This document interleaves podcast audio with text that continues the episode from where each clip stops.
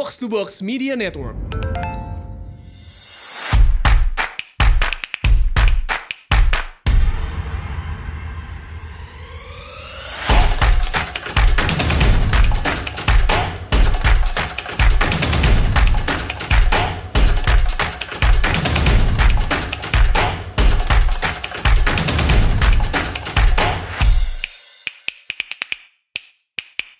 Datang di Asumsi Bersuara dan kali ini kita uh, akan ngobrol-ngobrol dengan Mas Evan Laksmana. Ada beliau adalah pengamat militer dan peneliti senior di CSIS ya, yang uh, banyak memperhatikan masalah-masalah uh, pertahanan dan geopolitik juga ya Mas Evan ya. Welcome yeah. to the podcast Mas Evan. Thanks for having me. Oke, okay. Mas Evan, um, kali ini kita mau bahas satu isu yang lagi menarik nih adalah um, yang cukup mengejutkan sebenarnya. Well, mungkin kalau kita ngikutin sih udah nggak mengejutkan lagi ya. Cuman kalau kita look back ke beberapa bulan yang lalu, uh, dengar berita ini juga terkejut sih. Terpilihnya Pak Prabowo menjadi Menteri Pertahanan gitu. Dipilihnya oleh Pak Jokowi, Pak Prabowo sebagai Menteri Pertahanan. Nah ini kan um, awalnya orang-orang pada bingung gitu kan, wah um, oposisi tadinya oposisi bersaing tiba-tiba bersatu dan dia mengambil hmm. posisi yang sangat strategis pula gitu. Menteri Pertahanan ini kan um, salah satu dari tiga menteri yang yang tertulis di Undang-Undang Dasar lah ya, uh, um, apa untuk yang sangat penting gitu. Kalau aku baca threadnya Mas If Evan di Twitter juga, Mas Evan bilang masih gathering my thoughts nih. Mungkin sekarang ada yang bisa, mungkin udah udah tergather thoughtsnya Mas. Boleh di share sedikit. Menurut Mas Evan gimana sih um, um, dengan ter, dengan Pak Prabowo menjadi Menhan ini? Iya memang um, ini sebuah keputusan yang yang unprecedented ya. Uh, karena nggak pernah terjadi dalam uh, sejarah politik kita. Jadi ini memang sesuatu yang yang uh, banyak orang juga masih meraba-raba. Uh, tapi kalau dari sisi uh, peran dan posisi beliau sebagai Menhan saya rasa ini sebuah gamble ya, uh, gamble yang sangat besar dari Pak Jokowi. Uh, dalam arti dua hal. Pertama, bahwa Gerindra akan mendukung uh, semua kebijakan dan agenda untuk lima tahun ke depan secara umum, uh, bukan hanya di bidang pertahanan. Dan yang gamble kedua adalah apakah Pak Prabowo sendiri akan efektif hmm. uh, sebagai Menteri Pertahanan. Hmm. Dan dalam uh, poin kedua ini, saya rasa mengingat sejarah uh, dan karir militer beliau, mengingat sejarah kiprah politik beliau setelah uh, keluar dari militer, uh, gamble ini saya rasa nggak ada nggak uh, ada payoff yang di tengah ya hmm. antara uh, high risk dengan high reward. Jadi hmm. kalau di satu sisi sangat mungkin beliau akan menjadi salah satu menhan kita yang paling kuat dan efektif uh, sejak era reformasi dimulai karena uh, network dan uh, reputasi beliau yang cukup uh, dipandang tinggi di kalangan militer atau malah justru uh, karena kiprah politik beliau uh, 10 tahun terakhir uh, uh, justru malah akan menimbulkan friksi-friksi antara hubungan Kemhan dengan uh, TNI atau bahkan muncul friksi di dalam TNI sendiri. Uh, jadi saya rasa uh, memang juga kalau kita lihat dari uh, track record beliau uh, dari uh, risingnya beliau di dalam uh, militer maupun uh, di dalam kancah politik middle ground bukan bukan sesuatu hmm. yang beliau hmm. uh, uh, uh, sering ngalamin gitu ya. Dia selalu high risk dan high reward juga. Yeah. Jadi uh, menurut saya antara akan menjadi sangat efektif atau akan menjadi sangat buruk. Ini uh, it's still early days kita masih belum tahu. Uh, kita lihat kemarin uh, beliau berkunjung ke Mabes TNI juga. Uh, dan so far uh, cukup cukup cukup standar. Uh, beliau uh, misalnya menekankan bahwa akan mendukung uh, proses uh, pembelian alutsista untuk memperkuat TNI dan seterusnya. Jadi so far um, first few days uh, masih belum ada uh, masalah. Tapi kita lihat uh, yeah. dalam satu satu dua tahun ke depan. Ya, Mas, uh, mungkin sebelum kita lanjut lagi, mungkin uh, boleh Mas Evan bantu jelaskan buat kita yang uh, awam gitu ya. Sebenarnya Menteri Pertahanan itu tugasnya ngapain sih, Mas? Jadi biar biar kita bisa nge juga nanti uh, Pak Prabowo ini kalau dibilang berhasil ya kenapa, kalau dibilang gagal juga ya kenapa, kita harus tahu kan sebenarnya apa sih sebenarnya fungsi dan peranannya gitu. Mungkin banyak uh, pendengar kami yang pendengar kita yang belum belum begitu mengerti juga sebenarnya saya juga belum ngerti sih uh, apa sih sebenarnya yang yang yang di menjadi peranannya Kementerian Pertahanan gitu. Oke, okay, uh, eh, secara sederhana ada ada ada dua uh, dua elemen ya. Yang pertama kita bicara uh, tugas dan fungsi beliau. Yang kedua kita bicara letak dan posisi beliau uh, sebagai anggota kabinet. Yeah. Uh, sebagai anggota kabinet, uh, uh, beliau memang bertanggung jawab atas anggaran pertahanan dan dalam hal ini uh, termasuk anggaran TNI. Beliau juga uh, mempunyai tanggung jawab untuk memformulasikan kebijakan strategi secara umum uh, uh, dan of course untuk untuk apa namanya uh, mewakili uh, TNI misalnya uh, dalam berhubungan dengan Komisi Satu yang terkait dengan uh, budget ataupun kebijakan secara umum. Tapi Menhan nggak uh, mempunyai otoritas command and control hmm. atas TNI kalau hmm. TNI itu uh, jalurnya langsung dari uh, presiden ke panglima. Okay. Kalau di US misalnya yeah. Ya. uh, itu otoritas uh, presiden untuk memerintahkan bisa melalui Menhan. Kalau di kita nggak bisa. Uh, oh. Jadi uh, otoritas troops uh, command and control atas pasukan ada di Panglima TNI, bukan di Menhan. Nah, sekarang kalau kita bicara mengenai tugas dan fungsi secara umum, ada tiga level atau atau tiga lapisan. Yang pertama kita bicara kebijakan pertahanan uh, secara umum. Ini kita ke, uh, bicara mengenai uh, misalnya uh, bagaimana anggaran itu dialokasikan. Kita bicara mengenai apakah uh, Kemhan akan uh, membahas undang-undang pertahanan baru misalnya. Yang Kedua lebih sifatnya eksternal. Kita bicara misalnya hubungan Kemhan dengan Polhukam, hmm. kita bicara hubungan Kemhan dengan TNI uh, yang sifatnya bukan hanya di dalam Kemhan sendiri, tapi kita bicara uh, lebih luas uh, di ranah domestik. Uh, dan yang ketiga adalah uh, level internasional, uh, hmm. karena uh, Menhan adalah Chief Defense Diplomat Indonesia. Artinya untuk forum-forum pertahanan di luar negeri, misalnya seperti ASEAN Defense Ministers Meeting atau yeah. nanti uh, Shangri-La Dialogue misalnya, itu yang mewakili Menhan. Jadi Menhan pun juga mempunyai fungsi uh, hubungan luar negeri yang sebetulnya uh, cukup signifikan.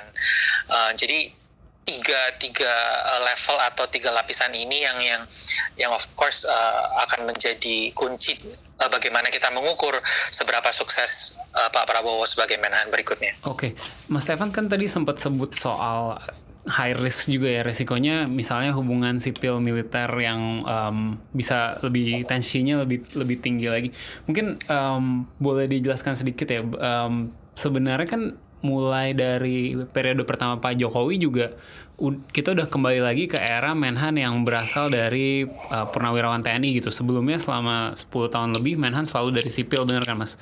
Um, dan, dan dan di era Pak Jokowi ini dari periode pertama Pak Ram, yang Mizar Triakudu itu tadinya juga um, Panglima TNI kan. Kemudian di periode kedua ini Pak Prabowo gitu. Um, sebenarnya apa bedanya sih antara dan antara uh, Menhan yang sipil dan yang militer? Dan kalau di di luar negeri itu juga bagaimana? Bukannya uh, apa apa kenapa um, menjadi penting gitu sebenarnya um, Kementerian Pertahanan yang yang dari sipil atau dari militer malah gitu. Um, jadi ada dua hal ya. Kalau kita bicara mengenai uh, hakikat atau atau atau sistem hubungan sipil militer di bawah Pak Jokowi uh, yang lalu kita bicara idealnya hubungan sipil militer seperti apa. Yeah, Kalau di ya. bawah yeah. Pak Jokowi sebenarnya memang uh, ini apa yang saya sebut sebagai uh, hubungan sipil militer yang autopilot. Artinya okay. Pak Jokowi uh, tidak secara pribadi uh, memanage uh, persoalan kebijakan pertahanan ataupun uh, TNI secara keseharian dengan detail. Uh, beda misalnya dengan Pak SBY, hmm. uh, di mana beliau uh, cukup aktif memanage hubungan uh, sipil militer uh, dalam keseharian dan memanage kebijakan pertahanan juga. Nah itu makanya Pak Yuwono dan uh, Pak Purnomo dulu tetap uh, mendapat full backup dari Pak SBY untuk memanage hubungan sipil militer maupun kebijakan pertahanan. Karena Sementara SBY di era Pak ya, Jokowi, ya, Betul. Uh. Dan Pak SBY sendiri mempunyai kapasitas uh, dan dan of course jaringan di dalam yeah. uh, untuk untuk memanage keseharian. Uh, sedangkan di era Pak Jokowi, saya rasa beliau lebih melepas tangan ya, hmm. karena beliau lebih fokus ke persoalan ekonomi, infrastruktur, kebijakan sosial dan lainnya. Jadi memang untuk kesehariannya uh, uh, uh, beliau menyerahkan ke Menhan, ke Panglima dan uh, ke advisor-advisor lainnya yang juga ada uh, yang merupakan ex militer juga. So memang beliau uh, lebih hands off dan dan uh, dan hubungan sipil militer lebih hmm. uh, di autopilot. Hmm. Nah, memang uh, kalau kita bicara uh, poin kedua soal apa yang ideal, memang yeah. sebenarnya uh, bukan bukan satu hal yang yang sangat bermasalah. Apakah figur Menhannya sendiri itu murni sipil dalam arti uh, bukan purnawirawan militer ataupun uh, bekas militer. Uh, karena yang penting sebenarnya sistemnya. Sistemnya udah di setup seperti apa, yang in charge untuk uh, tugas uh, misalnya mengenai kebijakan dan anggaran seperti apa, untuk yang memberikan oversight seperti apa, hmm. uh, checks and balance control dari presiden seperti apa. Jadi uh, uh, letak dan posisi Menhan terlepas apakah itu didudukin oleh uh, murni sipil atau atau bekas militer seharusnya uh, nggak begitu signifikan secara idealnya. Kayak misalnya di US dan uh, di beberapa negara maju lainnya mau dia bekas uh, militer kayak Sekretari Mattis uh, di awal hmm. Trump misalnya, hmm.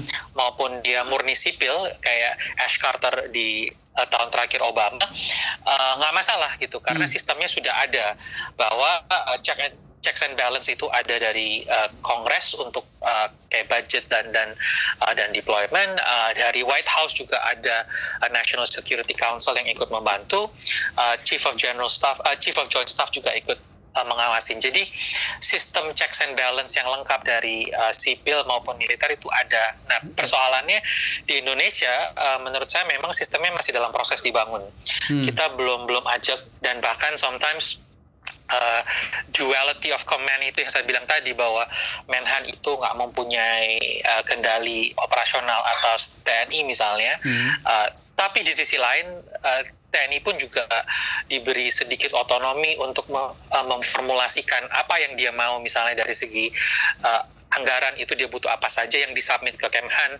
Yang lalu Kemhan juga harus mewakili TNI untuk uh, bernegosiasi untuk beli senjata misalnya. Dan yeah. dan, dan ini semua sistem yang masih baru ya. Uh, kita pun juga ada baru undang-undang industri pertahanan juga baru gitu. Jadi ada banyak hal yang yang terkait dengan uh, sistem uh, checks and balances kita uh, dari sisi kebijakan pertahanan yang sebenarnya uh, belum ajak dan kita juga harus uh, bertanya gitu sejauh mana misalnya uh, peran Komisi satu untuk untuk mengawasi uh, sektor uh, pertahanan juga. Dan ini uh, dari sisi DPR, dari sisi Presiden uh, dan dari sisi Kemen dan TNI ini sistemnya belum ajak dan ini yang yang um, bikin kita khawatir. Dan itu makanya kenapa di saat sistem itu belum ajak yeah. seharusnya presiden yang secara proaktif dan secara personal ikut memanage uh, seperti Pak SBY dulu. Oke okay, oke, okay. Mas kalau um, posisi kalau uh, Pak Prabowo sendiri ya um, hubungannya hmm. dengan ada dua dua pihak sih. Satu adalah uh, sesama sesama menteri-menteri lain di kabinet ini yang orang orang uh, tentara kan sebenarnya banyak juga ya. Maksudnya orang um, yang purnawirawan jenderal ini kan banyak juga hmm. ada, ada Pak Luhut, ada hmm. Pak Muldoko, Pak Fahrul Razi juga dan dari mm. polisi juga ada Pak Tito ya. Da, um, mm. ya kalau menurut Mas Evan ngeliatnya bagaimana kalau kalau um, hubungan Pak Prabowo dengan sesama purnawirawan yang lain dan juga mungkin dengan um, TNI yang masih aktif ya. Um, apakah ada apakah masih dekat gitu dengan bawahan-bawahannya dulu walaupun udah 20 tahun yang lalu juga sih. Um, kalau kita bicara hubungan beliau dengan uh, TNI secara umum ya, saya rasa memang beliau juga uh, sangat dihormati karena beliau juga uh, secara pribadi uh, turut uh, banyak membantu uh, perwira-perwira TNI untuk sekolah hmm. uh, dan seterusnya dan uh, bahkan uh, di banyak kesempatan beliau juga masih ikut membantu Kopassus dalam uh, sekian aktivitas dan seterusnya. Jadi memang ada hubungan uh, yang baik dan dan cukup dalam dengan teman-teman di TNI Angkatan Darat terutama. Dan memang ini uh, uh, semoga uh, chain of command yang sudah berlaku selama ini bahwa di dalam TNI itu semuanya satu garis di bawah Panglima itu tetap bisa dipertahankan bahwa apa pun yang terjadi uh, uh, chain of command tetap ada di tangan Panglima dan Panglima yang menentukan semua kebijakan dan kegiatan dan uh, saya rasa meskipun memang uh, kita bisa uh, berdebat ya sejauh apa uh, nanti Pak Prabowo sebagai Menhan akan akan akan ikut memanage hubungan dengan TNI sampai sedetil apa itu uh, kita masih belum tahu ya. Um, tapi saya sih uh, berharap lah ya, saya berharap bahwa sebagai seorang prajurit profesional, saya rasa uh, Pak Prabowo juga tahu pentingnya uh, chain of command dan sejauh ini uh, saya masih belum melihat ada indikasi bahwa beliau masih uh, uh, apa uh, berniat untuk untuk intervensi ke dalam hmm kebijakan TNI. Okay. Selama itu nggak terjadi, selama uh, nggak ada intervensi yang mendalam ke dalam kebijakan internal TNI, misalnya soal kebijakan uh, keuangan atau promosi atau uh, lainnya yang yang yang dianggap sebagai key corporate interest TNI, saya rasa uh, akan baik-baik saja hubungannya. Oke. Okay. Uh, dan semoga uh, dari kita lihat ya. Uh, beberapa kali uh, beliau ketemu dengan Pak Jokowi dan seterusnya, saya rasa ada respect bahwa Pak Jokowi ya sudah presiden yang terpilih secara sah begitu ya. Jadi kita berharap memang uh, beliau juga paham bahwa sebagai anggota kabinet Pak Jokowi, maka visi misi yang harus diemban adalah visi misi Pak Jokowi. Dan ini harapan of course ya, uh, kita harus lihat setahun ke depan gimana. Tapi beliau saya rasa cukup cukup sadar pentingnya posisi Menhan ini untuk menjaga stabilitas nasional maupun stabilitas hubungan sipil militer bahwa di tangan beliau lah uh, uh, kunci kebijakan pertahanan maupun uh, stabilitas politik. Jadi saya harap uh, responsibility dan dan uh, dan trust yang yang diberikan uh, Pak Jokowi uh, uh, bisa dipegang cukup baik ya. Oke, okay. uh, Mas sekarang mungkin kita mungkin kita bisa bahas kebijakan ya soal, uh, soal hmm. kebijakan pertahanan gitu. Menurut Mas Evan nih kebijakan pertahanan yang bakal dibawa sama Pak Prabowo ini seperti apa sih? Kalau misalnya Mas Evan mungkin memperhatikan selama pemilu kemarin um, apa yang menjadi visi misinya Prabowo gitu. Walaupun mungkin jelas yang yang akan dijalankan harusnya visi misi Pak Jokowi ya. Tapi kalau misalnya melihat dari uh, gerak-geriknya sebelumnya gitu, um, visi uh, apa kebijakan-kebijakan pertahanan seperti apa sih yang menurut Mas Evan kelihatannya akan dibawa Pak Prabowo dan mungkin boleh juga dikontraskan atau dibandingkan dengan lima tahun sebelumnya apa sih kebijakan pertahanan di era uh, Menhan Mizard gitu Mas? Hmm, kalau dibandingkan dengan masa kampanye ini agak susah ya karena yeah. sebetulnya dari masa kampanye baik itu speeches ataupun di debat kemarin ya menurut saya visi yang ditawarkan Pak Prabowo sebenarnya sangat uh, superficial dalam arti hanya di permukaan saja. Of course kita semua ingin uh, TNI yang lebih kuat, tapi persoalannya adalah uh, bagaimana kita misalnya menye menyeimbangkan anggaran pertahanan antara welfare uh, dengan uh, sisa uang untuk beli senjata, sisa uang untuk biaya operasi kan ini persoalan-persoalan detail dan teknokratis yang yang yang harus dihandle ya. Kalau cuman sekedar visi bahwa kita mau lebih kuat, kita naikin hmm, anggaran iya. pertahanan yeah. itu uh, buat saya wajar-wajar saja dan yeah. uh, nggak ada yang salah ataupun yang yang yang yang uh, rumit gitu ya. Cuman memang uh, sebagai hakikat kebijakan ya memang untuk pertahanan itu sifatnya agak susah untuk kita keluar dari apa yang sudah uh, diwariskan dari uh, dari era sebelumnya gitu. Karena kan persoalan anggaran kan artinya berkelanjutan ya.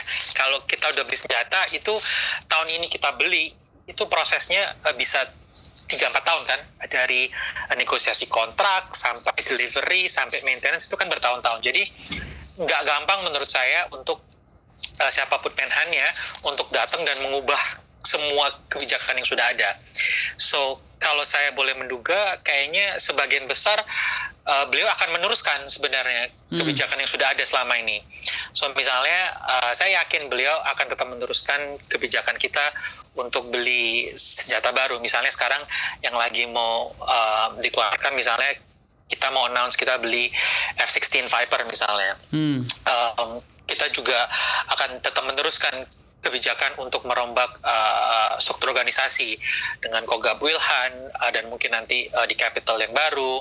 Uh, dari segi anggaran pun juga sebenarnya sejak uh, 2000-an anggaran kita kan selalu naik uh, persoalannya naik seberapa jauh dan beliau akan sadar meskipun divisi misinya waktu kampanye, oh kita mau naikin anggaran sampai seperti Singapura 5-6 persen uh, dari GDP. In practice kan nggak mungkin. Hmm, In betul. practice kita harus uh, berurusan dengan fiscal space, kita harus berurusan dengan kementerian lain, kita harus uh, berurusan dengan requirement negara untuk persoalan ekonomi. Jadi sebagai Menhan, uh, saya rasa nggak nggak nggak se- semudah itu ya untuk kita menerapkan visi-visi yang besar yang dibawa di masa kampanye itu. Uh, dan juga kita jangan lupa bahwa di era Pak Riam Rizat meskipun uh, nggak terlalu ada banyak gebrakan, tapi at least di akhir term beliau misalnya uh, disahkan undang-undang mengenai sumber daya nasional Hmm. uh, yang sebenarnya merupakan uh, uh, ke- ke- kebijakan yang sebenarnya udah lama sih di bawah um, uh, di bawah Kemhan dulu saat uh, saat draft undang-undangnya tuh masih mengenai komponen cadangan ya. Um, jadi ada banyak warisan-warisan uh, dari era uh, Pak dari soal draft undang-undang TNI yang baru uh, ataukah nanti ada reformasi soal mengenai misalnya uh, draft undang-undang uh, military justice uh, ada persoalan kita harus tetap uh, membeli senjata baru uh, dalam kerangka minimum essential force Iya. Uh, so saya rasa justru mungkin untuk setahun ke depan uh, kita akan lebih banyak melihat kesinambungan uh, dari era sebelumnya um, membuat gebrakan baru dalam kebijakan pertahanan itu uh, kita sangat susah karena semuanya harus di, di dibentokin ataupun di uh, dibatasin dengan uh, budget gitu dan ini yang yang Ya. yang saya rasa uh, menhannya siapa pun uh, agak sulit ya. Oke, kalau menurut Mas Evan nih, eh, kebijakan Hmm. pertahanan kita tuh em, udah seperti apa dan apa yang menjadi harapannya Mas Evan lah intinya em, hal-hal apa sih yang kita harusnya lebih perhatikan dari sisi pertahanan gitu, yang yang mungkin selama ini ter, terlewati atau atau mungkin kurang kurang diperhatikan Mas. Kalau saya pribadi ya, uh, of course uh, saya mendukung ya bahwa kita uh, memperkuat secara teknologi dan seterusnya ya. Uh, uh, kita sekarang punya drones dan seterusnya. Uh, tapi buat saya satu aspek kebijakan yang yang mendasar yang sebenarnya belum sempat dirombak sejak era reformasi itu kebijakan personal. Dan ini kita bicara dua hal. Satu adalah mengenai uh, sistem pangkatan ataupun promosi dan yang kedua adalah soal sistem pendidikan. Uh, jadi buat saya masalah-masalah yang kita lihat sekarang misalnya uh, ada ratusan perwira yang menumpuk uh, dan nggak punya job misalnya, sehingga akhirnya kita terpaksa harus bikin uh, kodam baru, kita harus bikin unit-unit baru dan seterusnya, yang biaya juga nggak murah. Um, saya rasa akar dari banyak persoalan-persoalan yang menjadi kritikan teman-teman di civil society itu ada akarnya ada di kebijakan personel dan sayangnya di era Pak Hadi dan Pak Riam Rizat kebijakan personel ini hanya diberi solusi sementara dengan misalnya membuka ruang untuk uh, militer-militer ditaruh di Kementerian Sipil di Iya, luar iya. yang sudah uh, uh, digariskan di Undang-Undang uh, TNI yang yang sekarang berlaku.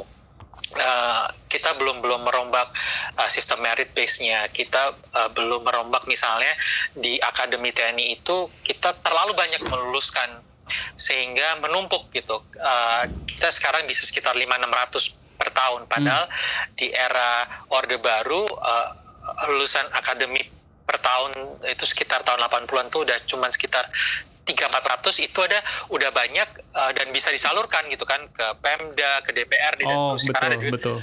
uh, fungsi dulu. Sekarang kita nggak punya dui fungsi. Sekarang kita nggak punya dui fungsi, kita nggak bisa menaruh uh, perwira militer di luar struktur uh, dengan mudah, tapi kita justru malah meningkatkan uh, jumlah lulusan akademi militer misalnya. Iya. Um, jadi hal- hal-hal yang yang fundamental soal kebijakan personel ini uh, belum dirombak. Memang uh, di di 4-5 tahun terakhir ini Mabes TNI sudah sangat concern sebenarnya dengan kebijakan personel, ada aturan-aturan baru yang dikeluarkan. Tapi susahnya adalah aturan baru yang dikeluarkan lalu harus direvisi karena ada struktur baru. Jadi uh, kalau kita lihat sebenarnya uh, selama 40-50 tahun terakhir struktur kita tuh hampir berubah setiap tahun. Um, di tengah struktur yang terus berubah setiap tahun, gimana kita bisa mau melembagakan kebijakan personel yang sistematis, merit based uh, dan long term gitu. dan ini belum belum selesai menurut saya. Jadi uh, selama kebijakan personel dari sisi kepangkatan dan education itu belum dibenahi, saya rasa semua masalah-masalah uh, kita akan terus menumpuk ya. Kebijakan personel itu di ranahnya Kementerian Pertahanan, mas, bukan di ranahnya uh, TNI sendiri ya? Nah, memang uh, ada persoalan TNI itu memang ada di bawah uh, staf personel TNI memang ada yang uh, memang menggariskan uh, dan ini memang uh, merupakan kewenangan panglima ya untuk untuk untuk merumuskan kebijakan di dalam TNI memang itu ranah panglima. Tapi Kemhan uh, bisa membantu uh, dari sisi uh, budgeting, dari sisi regulasi uh, dan bahkan kalau uh, nanti harus merevisi undang-undang TNI untuk mengakomodasi kebijakan internal TNI yang harus bertanggung jawab ke DPR kan Kemhan. Hmm. Jadi memang harus ada sinergi antara Kemhan yang punya wewenang anggaran uh, dan kebijakan dengan TNI yang mempunyai uh, wewenang otoritas di dalam TNI untuk bikin struktur uh, aturan dan seterusnya. So memang harus harus uh, bekerja sama dengan baik ya um, untuk untuk membenahi ini. Uh, tapi itu juga memberi dampak juga karena uh, mayoritas sekarang dari TNI yang nggak nggak bisa dapat tempat di dalam struktur misalnya itu kan mayoritas juga dialihkan ke Kemhan. Oh iya betul. Um, so makanya apa namanya uh, dulu di tahun di tahun um, 2000-an awal itu kan ada joke-joke yang bilang bahwa misalnya di di Kemhan itu hanya ada dua orang sipil yaitu uh, Pak Yuwono dan supirnya gitu misalnya. oh. Um, dan dan ini yang yang yang sebenarnya uh, uh, PR masa lalu ya bahwa kita mau membuat Kemhan lebih profesional, lebih banyak sipilnya dan seterusnya. Tapi susah uh, kalau kebijakan uh, personel di, di TNI itu belum uh, dirombak secara menyeluruh. So memang ini ini apa ya uh, long term uh, uh, project ya buat buat Kemhan dan TNI uh, bersama-sama ya untuk membenahi ini. Oke, okay. um, Mas tadi sempat sebut juga uh, soal minimum essential force ya ini kekuatan pokok minimum. Mungkin um, ini istilah yang baru juga buat saya dan banyak orang mungkin Mas. Uh, Evan mungkin boleh coba boleh bantu jelaskan itu maksudnya apa dan dan dan di Indonesia nih seperti apa sih um, apakah kita sudah mencapai itu gitu?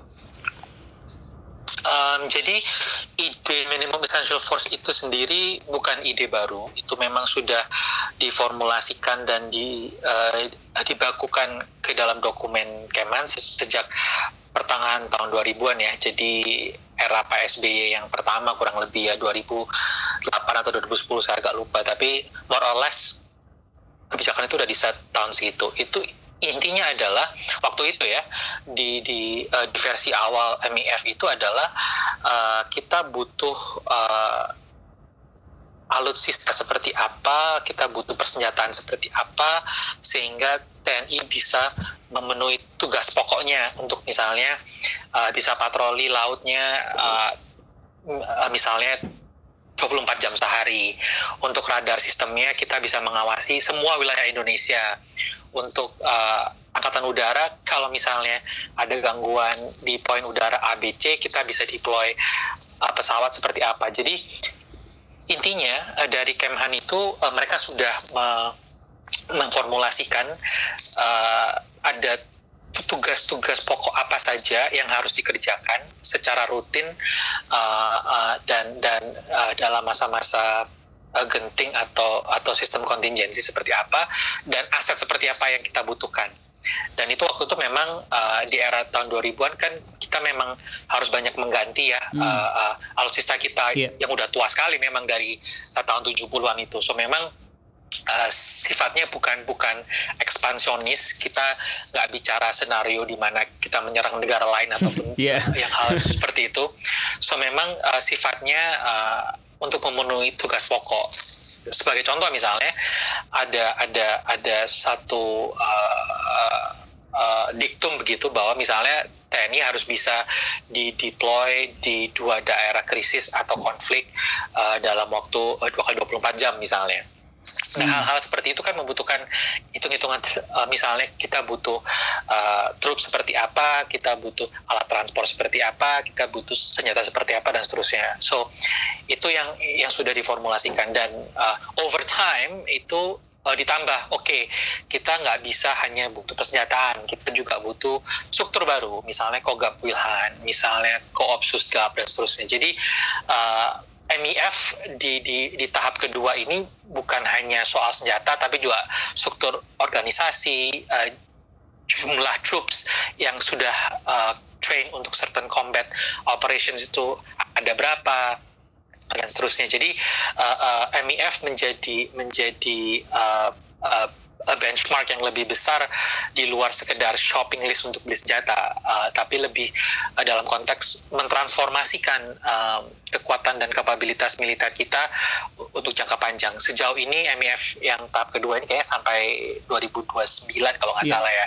Dan um, of course kita sudah kira-kira 70% menurut uh, uh, dokumen yang di, yang dikeluarkan dari pemerintah Jokowi ya tapi itu kan um, apa ya setiap setiap tahun kita harus evaluasi ya um, untuk apa saja yang kita sudah capai dan seterusnya tapi kalau semuanya lancar mungkin ini agak susah karena sekarang kita harus mengalokasikan uh, anggaran baru nih untuk untuk uh, kita pindah ibu kota. Nah, oh ya itu juga. Nah, jadi ya itu bisa bisa menyedot uh, lumayan banyak soalnya karena uh, dari uh, assessment uh, Mabes TNI kalau kita mau pindah ke Kaltim, uh, kita harus bikin kodam baru, kita harus bikin pangkalan baru, kita harus deploy aset baru dan seterusnya. Kita harus memperkuat uh, ada banyak air defense uh, system dan seterusnya itu uh, lumayan banyak.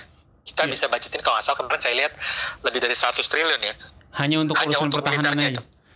Iya. Oh, oke. Okay. Lebih dari 100 triliun. Um, jadi bukan bukan bukan persoalan yang kecil. Nah, so kita lihat ini kalau misalnya anggarannya katakanlah 5-10 tahun ke depan yang harusnya untuk MEF itu lalu dialihkan untuk uh, kita mindahin ke ibu kota baru, hmm. ya of course akan akan tertunda lagi kita mencapai minimumnya.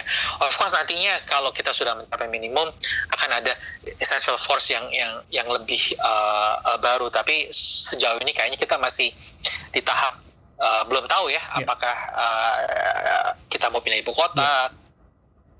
Dan seterusnya yeah. itu masih uh, masih dikaji saya rasa. Yeah. Ini menjadi menarik nih soalnya uh, ketika kita bicara pindah ibu kota jarang orang kepikiran bahwa uh, memindahkan ibu kota itu involves a lot of security uh, preparations juga gitu bahwa bahwa uh, ini kan pasti semua aset negara pindah ke sana, uh, semua kementerian, presiden semua pindah ke sana tentu harus mem mempersiapkan infrastruktur pertahanannya juga. Itu kan jarang jarang ya. dibahas sebelumnya gitu. Mas, saya mau nanya juga soal ini sih kan tadi Mas Evan sempat nyebut soal uh, bahwa Menteri Pertahanan itu juga adalah Chief Defense Diplomat gitu untuk kebijakan um, kebijakan luar negeri yang terkait dengan pertahanan gitu. Kalau menurut Mas Evan sendiri nih ya, um, uh, apa kebijakan pertahanan luar negeri kita atau kayak kebijakan geopolitik kita seperti apa um, yang selama ini di era Pak Jokowi periode pertama dan dan dengan Pak Prabowo jadi Menhan ini ada adakah um, yang akan berubah atau yang akan perlu menjadi concern gitu, um, especially misalnya um, kalau dilihat hubungan dengan Amerika kan uh, sampai terakhir sih kita taunya dia masih belum bisa masuk Amerika ya. Gue saya nggak tahu kalau misalnya udah udah bisa lagi. Maksudnya ada ada ada arah ke mana nih apalagi dunia kan juga lagi lagi rame lah Amerika lawan Cina dan lain-lain hmm. kalau Mas Evan ngeliatnya yeah. bagaimana? Um, kalau secara umum jujur meskipun Pak Jokowi waktu 2014 itu mengumandangkan uh, doktrin poros maritim dunia ya, menurut saya sejauh ini itu hanya retorika ya, uh, karena dalam dalam prakteknya menurut saya dari sisi kebijakan luar negeri maupun uh, naval defense menurut saya nggak sesuai dengan doktrin itu gitu ya. Jadi misalnya contoh untuk kebijakan luar negeri saat uh, ada ruling dari uh, International Tribunal on Law of the Sea tahun 2016 misalnya, respon kita juga sangat mild. Kita nggak nggak mempunyai kapabilitas untuk uh, misalnya mendorong proses uh, resolusi Code of Conduct untuk Laut Cina Selatan selesai di ASEAN misalnya. Jadi dari sisi kebijakan luar negeri menurut saya um, sangat jauh dari harapan yang um, yang muncul di awal-awal tahun 2014. Dari sisi pertahanan sendiri sebenarnya uh, Pak Riam Rizat memang kalau dari segi retorika sebenarnya um, kurang kurang menggigit begitu ya dari speech-speechnya tuh uh, menurut saya masih uh, masih sangat inward looking. Kan saya sempat hadir juga waktu beliau misalnya bicara di Shangri-La Dialogue. Memang concern-concern beliau di speech-speech publik itu masih kayak uh, terorisme, mengenai radikalisme, so masih sifatnya inward looking. Tapi sebenarnya kalau kita lihat uh, beliau cukup cukup sukses untuk misalnya menjembatani antara Kemlu uh, dengan Kemhan untuk uh, mereka membuat kerjasama dengan Malaysia dan Filipina uh, untuk kerjasama security di tri border area itu yang ada banyak penculikan dan uh, uh, persoalan terorisme. Uh, beliau juga misalnya cukup sukses mendorong misalnya kerjasama intelijen antara negara-negara ASEAN. Memang uh, masih di tahap-tahap awal, masih uh, masih belum belum uh, belum detail dan belum dalam. Tapi ini menunjukkan bahwa sebenarnya sebagai Menhan ada banyak kerjasama uh, pertahanan maupun security yang yang sangat esensial uh, dengan negara-negara ASEAN maupun negara-negara lainnya. Saya rasa Pak Prabowo akan cukup uh, paham betapa pentingnya uh, semua network dan kerjasama pertahanan tersebut. So saya sih sebenarnya uh, malah uh, berharap uh, beliau akan lebih lebih asertif, lebih visioner dibanding Pak Riam Rizat untuk uh, persoalan regional security ya, beyond hanya persoalan internal security kita aja gitu. Jadi uh, justru uh, harapannya beliau lebih mempunyai suara untuk menyeimbangkan uh, rivalitas AS dengan Cina misalnya.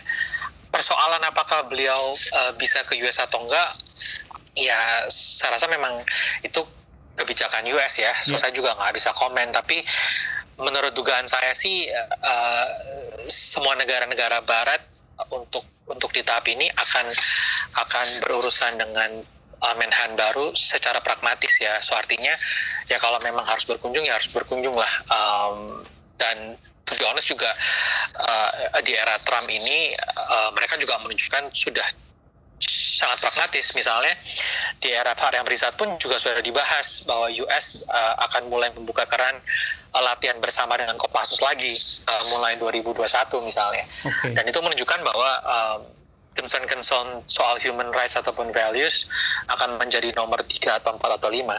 I see. Oke, okay. Mas, um, mungkin terakhir ya. Um, ya.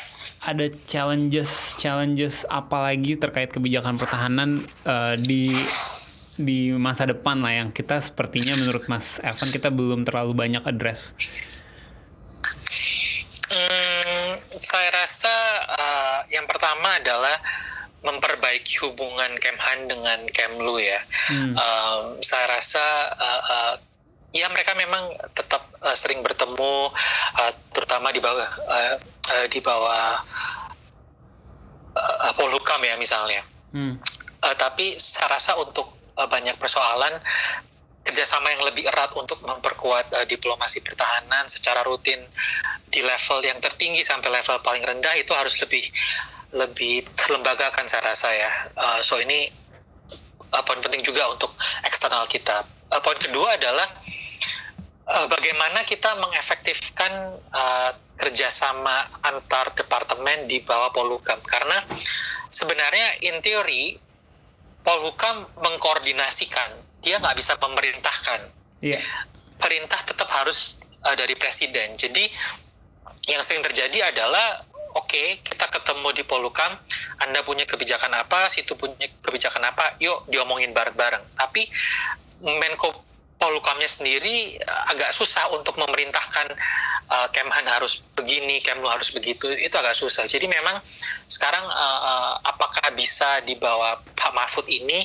Ada kebijakan yang lebih lintas departemen yang lebih efektif ataukah kita perlu misalnya uh, bahas kemungkinan punya semacam National Security Council uh, di bawah istana Hmm. Uh, tapi istana sendiri sekarang terpecah antara kepala staf, seskap, sama setnek.